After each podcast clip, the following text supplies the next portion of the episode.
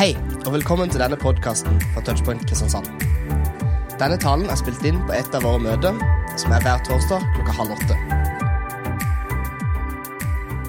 Jeg skal begynne med å ja, Jeg må jo si at Roy Elling har fått meg til å komme hit. Og det er han som har fått meg til å si noen ting om misjon. Skal det dreie seg om? Ja. Eh, men før det jeg begynner å snakke om misjon, så vil jeg si noen ting om meg sjøl. Jeg har vokst opp i et kristent hjem. Jeg vokste opp i Asker utenfor Oslo. Der var det ikke så mange andre kristne venner. Jeg visste ikke om noen i klassen min som kom fra en kristen familie. Eh, og jeg hørte forkynnelse som gikk på det at jeg måtte ha en dato for når jeg ble en kristen. Og det ble et veldig problem for meg når jeg kom i tenåra. Jeg hadde ikke en sånn dato. Men når jeg ble konfirmert, så sang jeg en sang som en ofte synger i begravelse, men vi sang den i konfirmasjonen. Og den, den eh, I hvert fall så sang jeg den og, og, og, og mente det. Og fra den datoen eh, Plutselig nå husker jeg ikke engang hva sangen het, for noe, men det er ikke så farlig.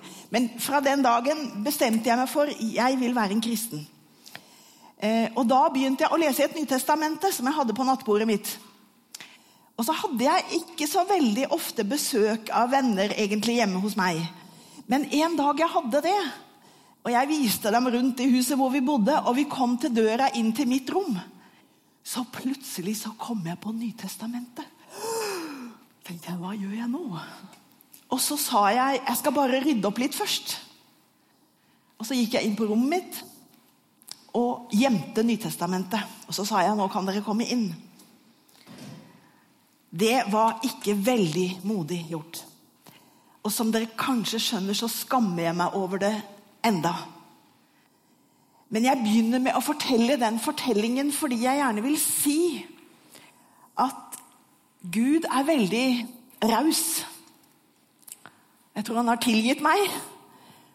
Og han er så raus at han har gjort meg til en lærer i misjon. Jeg som var så feig at jeg ikke turte å vise mine medkamerater Nytestamentet. Gud er, så Derfor, den som står foran dere i dag, er ikke verdens mest helstøpte og modige. Men Guds nåde er veldig stor. Derfor står jeg her. Det må jeg si. Og så har jeg Alle som har hatt meg på skolen, vet at jeg er veldig dårlig når det gjelder dette. Så det blir spennende. Men misjon er det ikke alle i Norges land som er veldig glad i. For 60 år siden så var faktisk de fleste nordmenn veldig positivt innstilt til misjon. Men sånn er det ikke uten videre nå. Se her, det er fra et leserinnlegg i VG. Misjonær er noe av det mest forkastelige som fins. De drar ut og ødelegger kulturer som har eksistert i tusener av år, for å redde dem som ikke har hørt om Jesus og den pakka der. Misjonærer prakker på andre religionen sin uten å tenke på hvilke konsekvenser dette vil få. Bare se hvordan det har gått med mange stammer som har blitt omvendt, for deretter å fjerne fra seg fra sin urgamle og naturvennlige levemåte. Det er veldig mange som tenker sånn om kristen misjon. Og Derfor eh, er det en utfordring. Hvorfor skal jeg da snakke om misjon? For det første så er jo det veldig motkulturelt. Og jeg tenker, Det er ikke dumt å være motkulturell på en del ting. Og misjon er det. Men aller først og fremst så vil jeg snakke om misjon fordi jeg tror at det vet dere at jeg tror faktisk det er Guds viktigste Det ligger på, midt i Guds hjerte. Han er opptatt av det. Og Derfor vil jeg begynne med et bibelvers som jeg er veldig glad i. Vet dere hva, hva står det der? Herren har fortrolig samfunn med dem som frykter ham. Hva betyr det? Han har et fortrolig fellesskap med dem som frykter ham. Altså med vanlige mennesker, sånn som meg. Og fortrolig fellesskap det betyr for meg og mine venner at jeg øser ut det jeg er opptatt av. Og så kan mine venner øse ut det de er opptatt av. Og hvis det er sånn med Gud og oss så er jo det Det fins jo ikke noe større. At jeg kan få lov til å øse ut det som ligger på mitt hjerte, og si 'Herre, sånn har jeg det. Så feig er jeg.' Og så kan han komme og si noe som ligger på hans hjerte. Og det er noe av det jeg vil snakke om i kveld. Det er nesten som vi har audiens, og han skyver til side all etikett, og så sier han, 'Ingrid, og hva du heter, dette er jeg opptatt av.' Noen ganger har Gud i Bibelen vist hva som er hans hjertes anliggende. I Det gamle testamentet bare to eksempler. Dere kjenner Moses, ikke sant? Han hadde gjort seg til han drapsmann. Han gikk ute i ødemarken og passet på sauer. Og han var ikke så ung heller. Han var sikkert eh, eldre enn det jeg er nå. Og så så han denne brennende tornebusken som dere har hørt om. ikke sant? Og da hørte han Gud tale til seg. Og Gud sa, 'Jeg har hørt israelittenes rop.' 'Jeg har hørt deres lidelse, og nå vil jeg hjelpe dem.' 'Og jeg vil bruke deg.' Og Da kan du gå hjem og lese i andre Mosebok, kapittel 2 og 3, og hvordan, hvordan Moses parlamenterer med Gud og sier 'Jeg kan ikke, det er altfor stort for meg, dette kan ikke jeg'. Men det viser hva er Gud opptatt av. Gud hører menneskelig lidelse. Og han sender mennesker for å bøte på den lidelsen. Et annet, en, av de små profetene, som heter Hosea, det er en kjærlighetsbok der Gud viser sin sorg og fortvilelse over at hans folk har forlatt ham. Derfor sender han Hosea. Det angår Gud at mennesker lider fordi de har forlatt ham og mistet fotfestet. Derfor har Gud på en endelig måte Folk sier Gud bryr seg jo ikke om lidelse. Se hva som skjer. Men Gud har gjort noen ting med menneskelig lidelse. Og det har vi nettopp feiret gjennom påsken. Der Gud gjennom sin sønn bærer alle konsekvensene av alle våre synder, av min elendighet. Alt sammen. Påske viser hvor alvorlig det er at vi mennesker har falt fra Gud.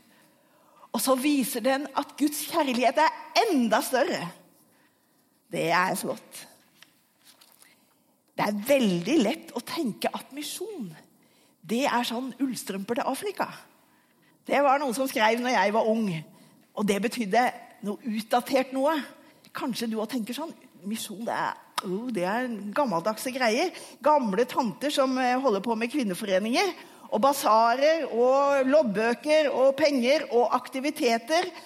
Um, og så er du her, og så skal du snart ha eksamen. Så tenker du vet dere at Jeg har møtt mange mennesker som sier jeg orker ikke å gå på misjonsmøter. Altså, for det er bare krav om alt det jeg skal gjøre. Jeg håper at vi kan gå herifra med rak rygg og tenke Wow! Jeg er med på det største som fins, for det er jeg faktisk veldig overbevist om. Misjon er det største som fins. Og derfor Gud holder på å vinne verden med sin kjærlighet. Det er det Gud holder på med. Og han inviterer oss til å være med. Har dere sett dette ikonet? Dette er et ikon som heter treenighetsikonet. Viser den treenige Gud. og Det er gammelt, det er her fra 1400-tallet. Og det er Faderen, til venstre, Sønnen og Ånden. Det er de tre englene som kom til Abraham. Det står om i Det gamle testamentet. Men i alle fall Ånden.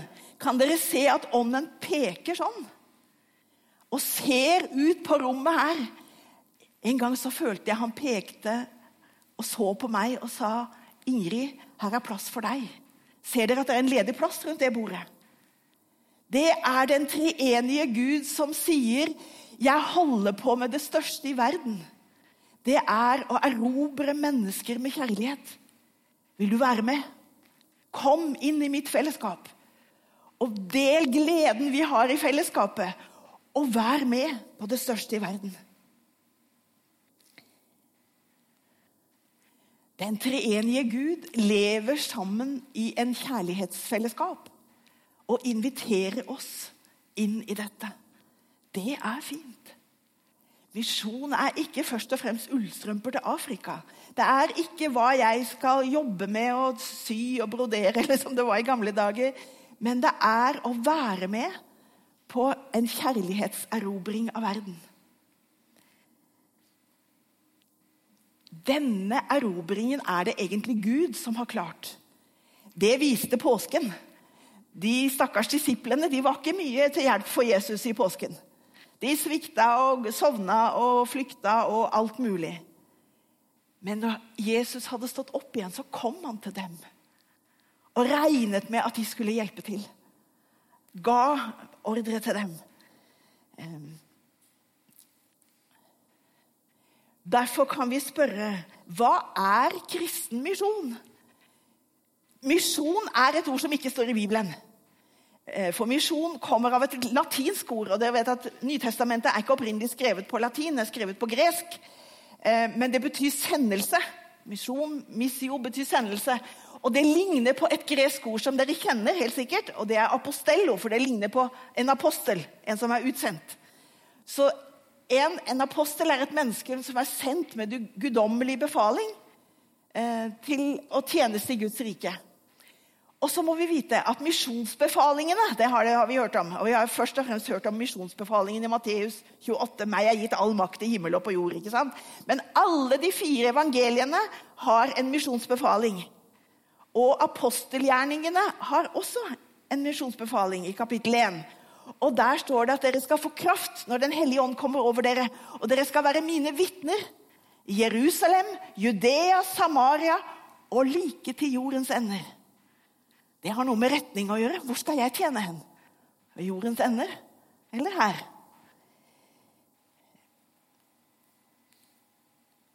Så misjon. Hva er det for noe? Det er mange definisjoner. Det skal få i hvert fall to forskjellige definisjoner av meg. Men misjon Ja, jeg må si en ting først.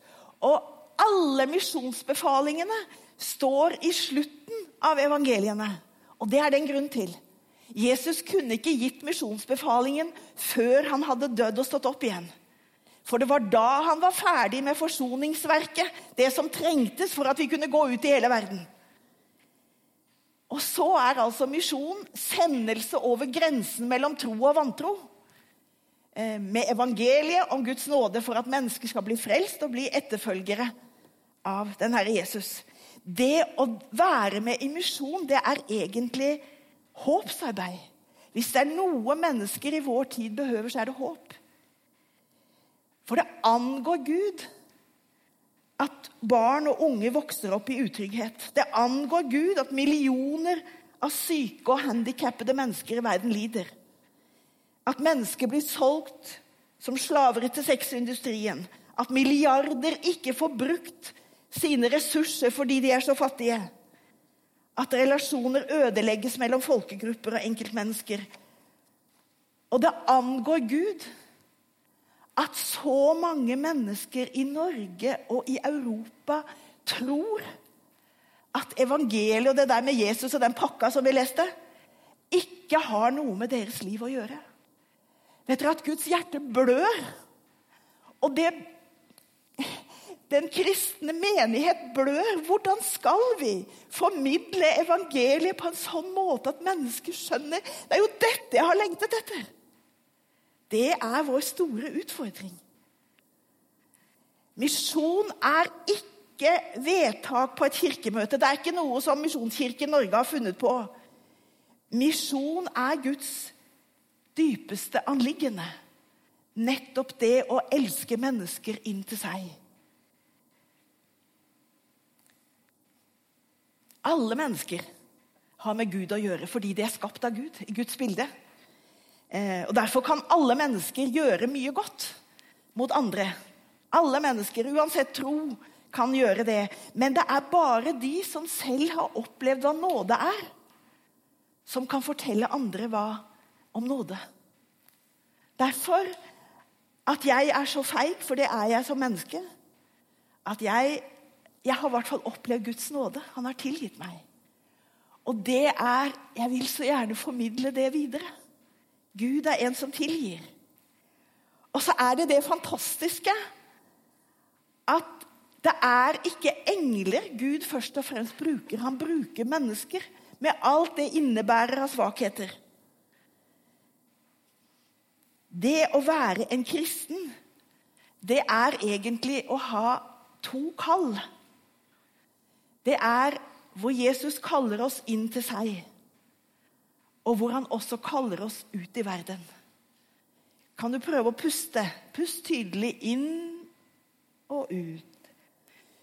Inn og ut. Inn til Kristus. Ut til verden omkring oss. Det er den kristnes åndedrett. Det er det normale for et menneske som tror på Jesus. Å være sammen med han i fellesskap og å være med å dele dette med andre. Inn til Kristus, ut til verden. Det fins denne definisjonen av misjon vil jeg nesten at dere skal lære, for den er veldig enkel. Misjon er å bringe de gode nyhetene om Jesus. Altså det er det vi kaller evangeliet. Hva Jesus er, hva Jesus har gjort for oss. At han har banet en vei til Gud. At vi skal formidle det til dem mennesker som aldri har hørt det. Det har vi kanskje ikke tenkt på, men det finnes millioner av mennesker som enda ikke har hørt hva Jesus har gjort. Til dem som ikke har forstått det. Tror dere det finnes mennesker i Norge som ikke har forstått hva evangeliet, de gode nyhetene, er? Ja, mange, tror jeg. Og for det tredje til dem som ikke har tatt imot. Og da, hvis vi sier det, dette er misjon, bringe evangeliet til de som ikke har hørt, de som ikke har forstått, og de som ikke har tatt imot, da er det ikke lenger noe skille mellom indre og ytre misjon. Sånn var det når jeg var ung. Da snakket vi om indremisjon. Det var liksom til de kristne i Norge. I dag er det flere og flere nordmenn som overhodet som tenker sånn som denne som vi begynte med her, og som tenker at kristendom Ja, på papiret er jeg kulturelt kristen, men det det betyr ingenting for mitt liv. Det er den store nøden. Skal gjøre, hva skal vi gjøre med det? Misjon er dypest sett ikke menneskeverk. Det er Guds verk. Og Hvis dere skal lære noe fint på latin, det heter missio dei, Guds misjon. Det er ikke vi som gjennom alle våre basarer eller, eller hva vi nå måtte finne på nå. Det er Gud som har sendt. Hvis misjon betyr sendelse, så er det Gud som har sendt. Og vi blir, vi blir oppfordret til å være vitner om det Gud har gjort. Ja, derfor så tenker jeg misjon er større enn alle multinasjonale selskaper. Det er større enn Google, det er større enn Hollywood. For det dreier seg om å delta i det som heter Guds rike. Det som aldri i evighet skal forgå. Misjon er Guds misjon, missio dei. Og alle som er Guds barn, har, vi har en sendelse over vårt liv. Jeg sender deg kanskje til din nabo, kanskje til verdens ender. Det er tre ting som vi som mennesker er felles om. Og det er for det første at vi alle er skapt i Guds bilde. Det gjelder Fatima i Kabul. Og det gjelder Eli i Norge. Alle mennesker har også falt fra Gud i ulydighet, sier Bibelen. Det gjelder like mye Fatima det også, som det gjelder meg som går i bunad. Og for det tredje vi er alle elsket av Gud. Han leter etter oss alle og roper, 'Adam, menneske som jeg har skapt, hvor er du?' Gud leter etter alle. Det gjelder like mye romfolk som det gjelder amerikanere.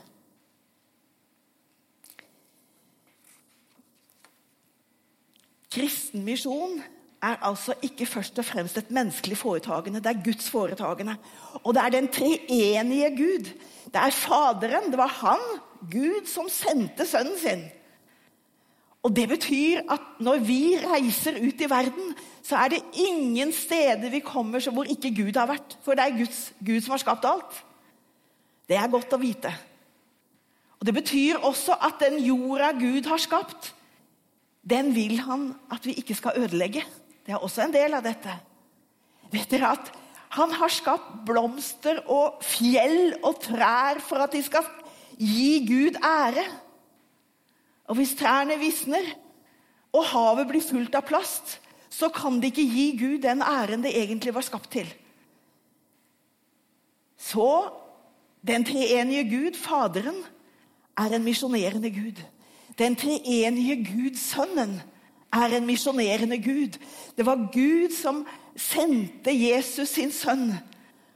Og han gjorde alt i stand for at alle mennesker, enten vi bor i Kabul eller vi bor i Kristiansand, har en vei til Faderen, og det er gjennom Sønnen. Og vet dere at når nye folkegrupper For vi tenker det er så få som kommer til tro her hos oss. Men det er mange som kommer til tro rundt i verden. Og hver gang en nytt folkegruppe kommer til tro, så tar de på en måte imot Abrahams velsignelse. Jeg vet ikke hvor godt kjent dere, er i Det gamle testamentet, men i Det gamle testamentet så fortelles det om Abraham. Han får plutselig beskjed fra Gud at dra bort fra ditt folk og ditt hjem og din fars hus til det landet jeg vil vise deg. Og så står det i deg skal alle folk på jorden velsignes. ikke det er fantastisk? Så være med i misjon betyr å være med å velsigne mennesker. Vil du være med på det? Ja, Det tror jeg. Det er derfor du er her. tenker jeg, at du vil velsigne mennesker. Og Det betyr at når et ny folkegruppe tar imot evangeliet om Jesus, eller et nytt menneske, så får det mennesket del i Abrahams velsignelse. Hele verden skal delta i dette. Og for det tredje Den treenige Gud, Den hellige ånd, er den som driver dette verket. Den treenige Gud er en misjonerende Gud. Og alt vi tenker på som har med nådegaver og utrustning og alt det, det er ikke først og fremst for at vi skal bli, utvikle oss sjøl. Men det, er, det kan fort bli svermeri. Men vi har behov for all åndsutrustning og alle nådegaver og all frimodighet i dette å formidle Guds verk til stadig nye mennesker. Den treenige Gud er en misjonerende Gud. Så Det betyr at startpunktet er hos Faderen. Sentrum er hva Jesus har gjort, og kraften er i Den hellige ånd. Misjon, det er å krysse grenser. Det kan være mange slags grenser å krysse. Når Abraham reiste på Guds befaling, så ble han en nomade. Dere vet hva det er? Sånn som ikke har et fast sted å bo. Slik at Abrahams liv det ble konsentrert om to ting. Om et telt og om et alter. Det er ganske spennende å lese. Hver gang Abraham kom til nye steder, så slo han ned teltet sitt, for det var der han bodde. Og så bygde han et alter som han ba til Gud ved. Og jeg tenker vi er også pilegrimer, sånn som Abraham. Våre liv skal være sånn at vi er flyttbare. Vi er klar til å krysse noen grenser hvis Gud vil det. Til et nytt menneske. Kanskje bare bor over gangen for deg. Eller kanskje han bor i Papua Ny-Guinea. Hva vet jeg? Krysse en grense.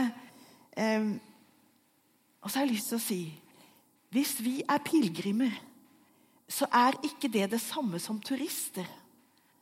Turister og pilegrimer ligner på hverandre. De bryter opp og ser nye ting. Men det er to forskjellige ting. Å være en turist det betyr å bryte opp fordi jeg vil ha stadig nye opplevelser. En pilegrim bryter opp fordi han har et klart mål. Vi har her i menigheten en familie. Mor og far og tre barn. De hadde gode jobber her i Kristiansand, og for to år siden så brøt de opp og dro til Indonesia. Indonesia er helt sikkert et veldig spennende turistland. Så de får sikkert se en masse ting som ikke de ville fått sett ellers. Men det er ikke derfor de drar. De drar ikke for å være turister. De drar for å være pilegrimer.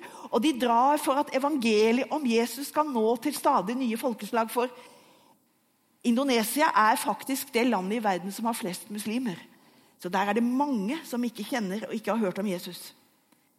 Men det å krysse grenser det kan bety mange ting.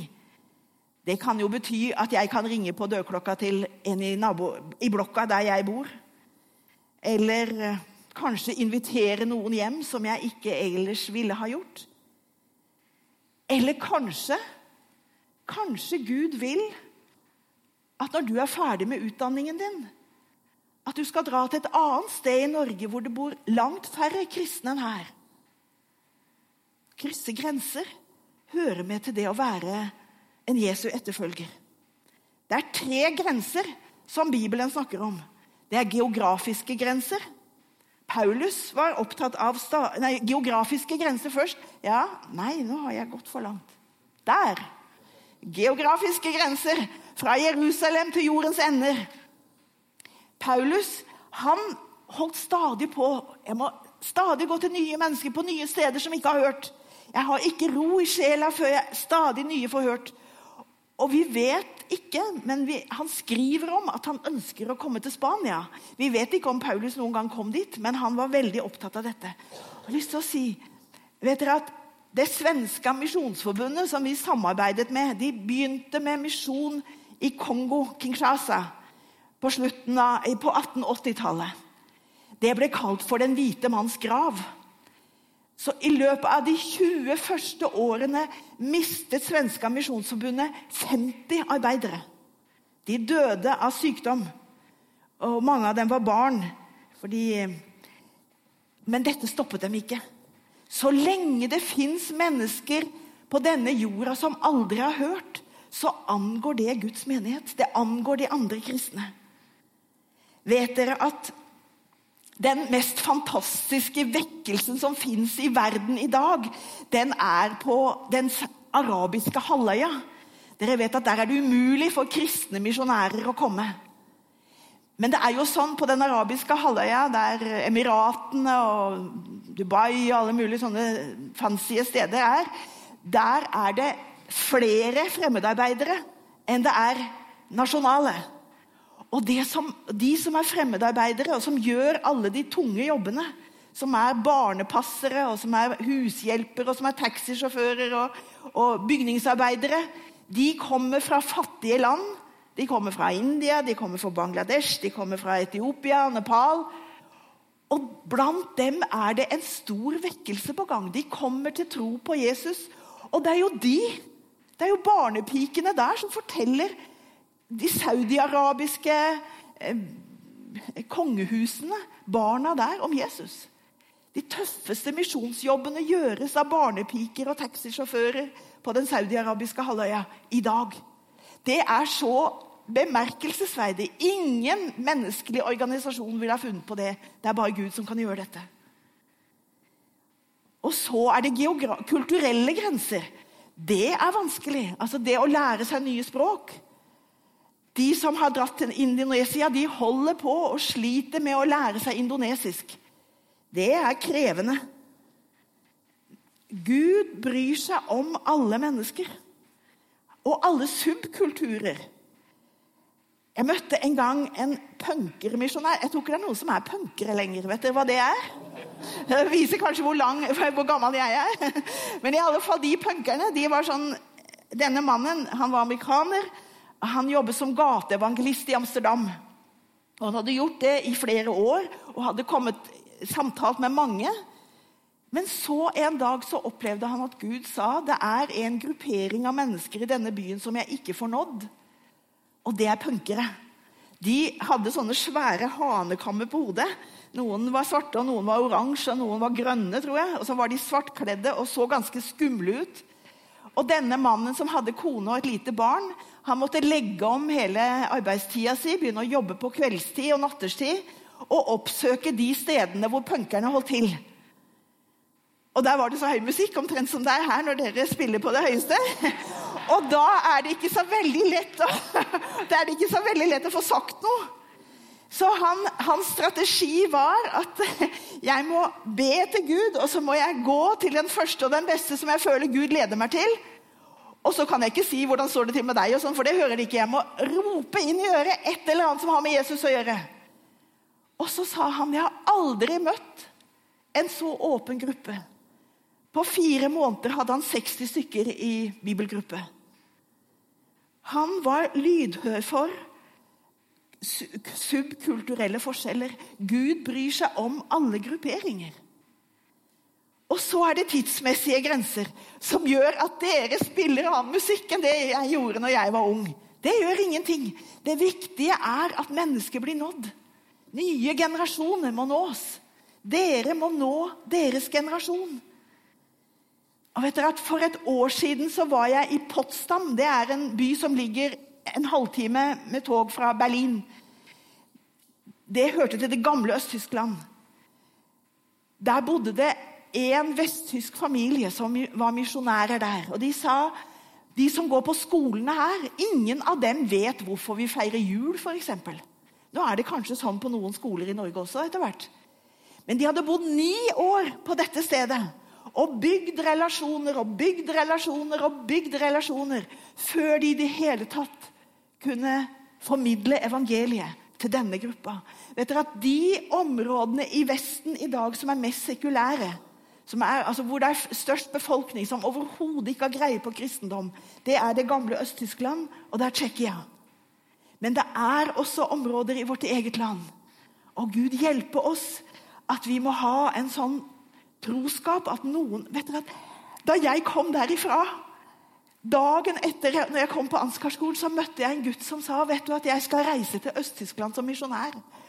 Og jeg blei så glad at jeg holdt på nesten. Og jeg tenkte, og vet dere at Disse som hadde bodd der i Øst-Tyskland i ni år, de hadde, de hadde lagd en veldig flott greie for å oppmuntre seg sjøl, for dette gikk jo seint. De hadde, en svær, hadde en glassbeholder som var full av erter. Så mange erter som det fantes mennesker i Potsdam by. Og så hadde de lagt opp i så mange kaffebønner som de visste om var levende kristne mennesker. Og det var ikke så veldig mange. De kunne jo selvfølgelig ikke ha full oversikt over det, men det var i hvert fall, de la ned noen kaffebønner, og så la de et lokk på dette, dette karet. Og etter et døgn, når de tok av lokket Vet dere hva det lukta da? Alt lukta kaffe. Og det var en, et de tenkte det spiller en rolle at vi er her. Det spiller en rolle at du som en troende er på det stedet der du er. Gud ser etter, det har jeg lært. God is looking for the fat people. Det liker jeg veldig godt, for jeg strever med det. Men fat betyr F står for faithful. De trofaste. Det er ikke nok hvis jeg vil være med å påvirke og vinne mennesker. Så er det ikke nok med ett stunt, og så er jeg ferdig med det. Det krever troskap. Faithful. A står for available, tilgjengelig. Er du tilgjengelig til å flytte på deg hvis Gud ønsker det fordi han ønsker å nå noen nye mennesker gjennom deg? Og for det tredje teachable. Noen som er villig til å lære noe nytt. Altså Hvis man skal være misjonær, så er det masse å lære. Så hvis du er interessert i å lære, så vil jeg si bli misjonær. Da har du mye å lære. Evangeliet om Guds nåde kan forvandle og transformere, sier vi på fint. Forvandle mennesker og samfunn. Nå er jeg, jeg er snart ferdig. Er det greit? Ja. På Tidlig på 1900-tallet så gikk det en vekkelse over Wales, altså en del av Storbritannia. Og Det var et gruvedistrikt. Og denne vekkelsen altså det betyr at mange mennesker kom til tro på Jesus. Dette, hele samfunn ble forandra. Det ble så forandra at gruve... For de, drev, de brukte hester til å frakte fram det de fant i gruvene. Gruvehestene ble påvirket av det. På hvilken måte? Jo, fordi at gruvehestene var vant til å bli piska fram av mennesker som banna og svor. Og menneskene var blitt så forandra at de slutta med å banne. Og gruvehestene visste ikke hvordan de skulle forholde seg. Evangeliet kan forandre og transformere mennesker og samfunn. Men evangeliet kan forsone mennesker som har stridd mot hverandre. For noen, I 1994 var det et kjempe selv, hva heter det, folkemord i Rwanda. Og Hutuer og Tutsier, to grupper, kjempet mot hverandre. Nesten en million mennesker døde. Og jeg har møtt mennesker som jobber med forsoning mellom disse gruppene. Og hvordan evangeliet er det eneste som kan forsone. Skape forsoning. Og evangeliet kan også helbrede hjerter og relasjoner. Og så til slutt, da. Dette er det siste. Hvordan, hva er min plass i Guds misjon? Noen taler, ja, men de færreste gjør det. Noen skal gjøre noe gjennom diakoni, gjennom Vi har kjempestort behov for mennesker som gjør gode gjerninger av alle slag. Og så for det tredje, som jeg vil legge litt vekt på, det viktigste er at vi er. Hvem er du? Jeg blir mer og mer overbevist om at jo mindre mennesker i vårt samfunn kjenner Bibelen og evangeliet og kristendom, desto mer ser de på hvordan vi lever livet våre. Og det er veldig alvorlig. Jeg tenker at elever på Ansgarskolen de kan høre at jeg sier kanskje noen fine ord om misjon, sånn som jeg gjør nå, men de vil se på livet mitt. Er det samsvar mellom det livet jeg lever, og det jeg snakker om? Jeg hadde en gang en lærer i Amerika som var sånn. Jeg kommer aldri til å glemme han. Han kunne mye mer om misjon enn jeg kan. Men det som gjorde inntrykk, det var livet hans. Jo mindre mennesker Vi er de kirkefremmedes bibel. De ser på oss og våre liv. Og da kan vi Det vi kan, hva er det? Jo, det er å stille til rådighet det den enkelte av oss har. Hva har du i ditt livs hus? Hva har Gud gitt deg? Og Da behøver vi ikke å sammenligne oss. Jeg har hørt om Sosha, en jødisk kvinne som gikk til rabbineren sin og sa hvordan kan jeg være sikker på at Gud tar imot meg på den siste dagen. Da svarte rabbineren på den dagen skal han ikke spørre deg om du har vært Moses eller Elia. Han skal spørre har du vært Sosha. Har du vært deg sjøl? Derfor Gud vil bruke deg, den du er. Ikke lik Jeg har, prøvd, jeg har brukt så mye energi på å tenke åh, hadde jeg bare vært så flink som kollegene mine på Ansgarskolen. Det hjelper ikke. Jeg må være meg. Og så må jeg være Jeg må begynne der hvor jeg er. Derfor Gud vil bruke den du er, der du er. Den du er, der du er. Og så kan det hende at han i løpet av ditt liv Det er veldig spennende. Kanskje du havner på Papua Ny-Guinea? Hva vet jeg? Gud vet, men Gud har kontroll. Det aller siste Det aller siste I første Mosebok så står det om at fordi at menneskenes synder var så store, så skapte han Bab, De begynte å bygge Babels tårn. Dere har hørt om det? ikke sant? Og da grep Gud inn, står det, og inntil da hadde alle mennesker snakket samme språk, og de skjønte hva de sa. Da grep Gud inn, og menneskene begynte å snakke forskjellige språk. Det var en forferdelig straff. Alle som har prøvd å lære seg noen nye språk, vet det. Og så, Det står i første Mosebok. I åpenbaringsboken, som er den siste boken i, i Bibelen, der står det om jeg så en skare så stor som ingen kunne telle av alle nasjoner, folk og stammer. Og de sang den samme sangen. Der i himmelen der er det ikke lenger noen kulturelle eller geografiske eller eh, forskjeller. Vi synger, og vi kan vårt felles språk. Og imellom der står fortellingen om pinsedagen. Når de troende gjennom Den hellige ånd får nye språk å snakke med, og folk begynte å skjønne hva de sa. Den troende menighet er med på å bygge ned Babels forvirring. Og være med på å si Tenk hva vi er på vei til. Den dagen da alle fra alle nasjoner, folk og stammer skal samles. Dette er vi på vei til. Alt dette er for at Gud skal æres. Det er det viktigste av alt. Amen. Nå skal jeg be til slutt. Vi takker deg, kjære himmelske Far, for at din kjærlighet til oss er så stor. Den er så stor at du har gitt din egen sønn. Og så er den så stor at du kaller oss inn til ditt fellesskap. Og så ønsker du å bruke oss Den enkelte av oss slik som du har skapt oss.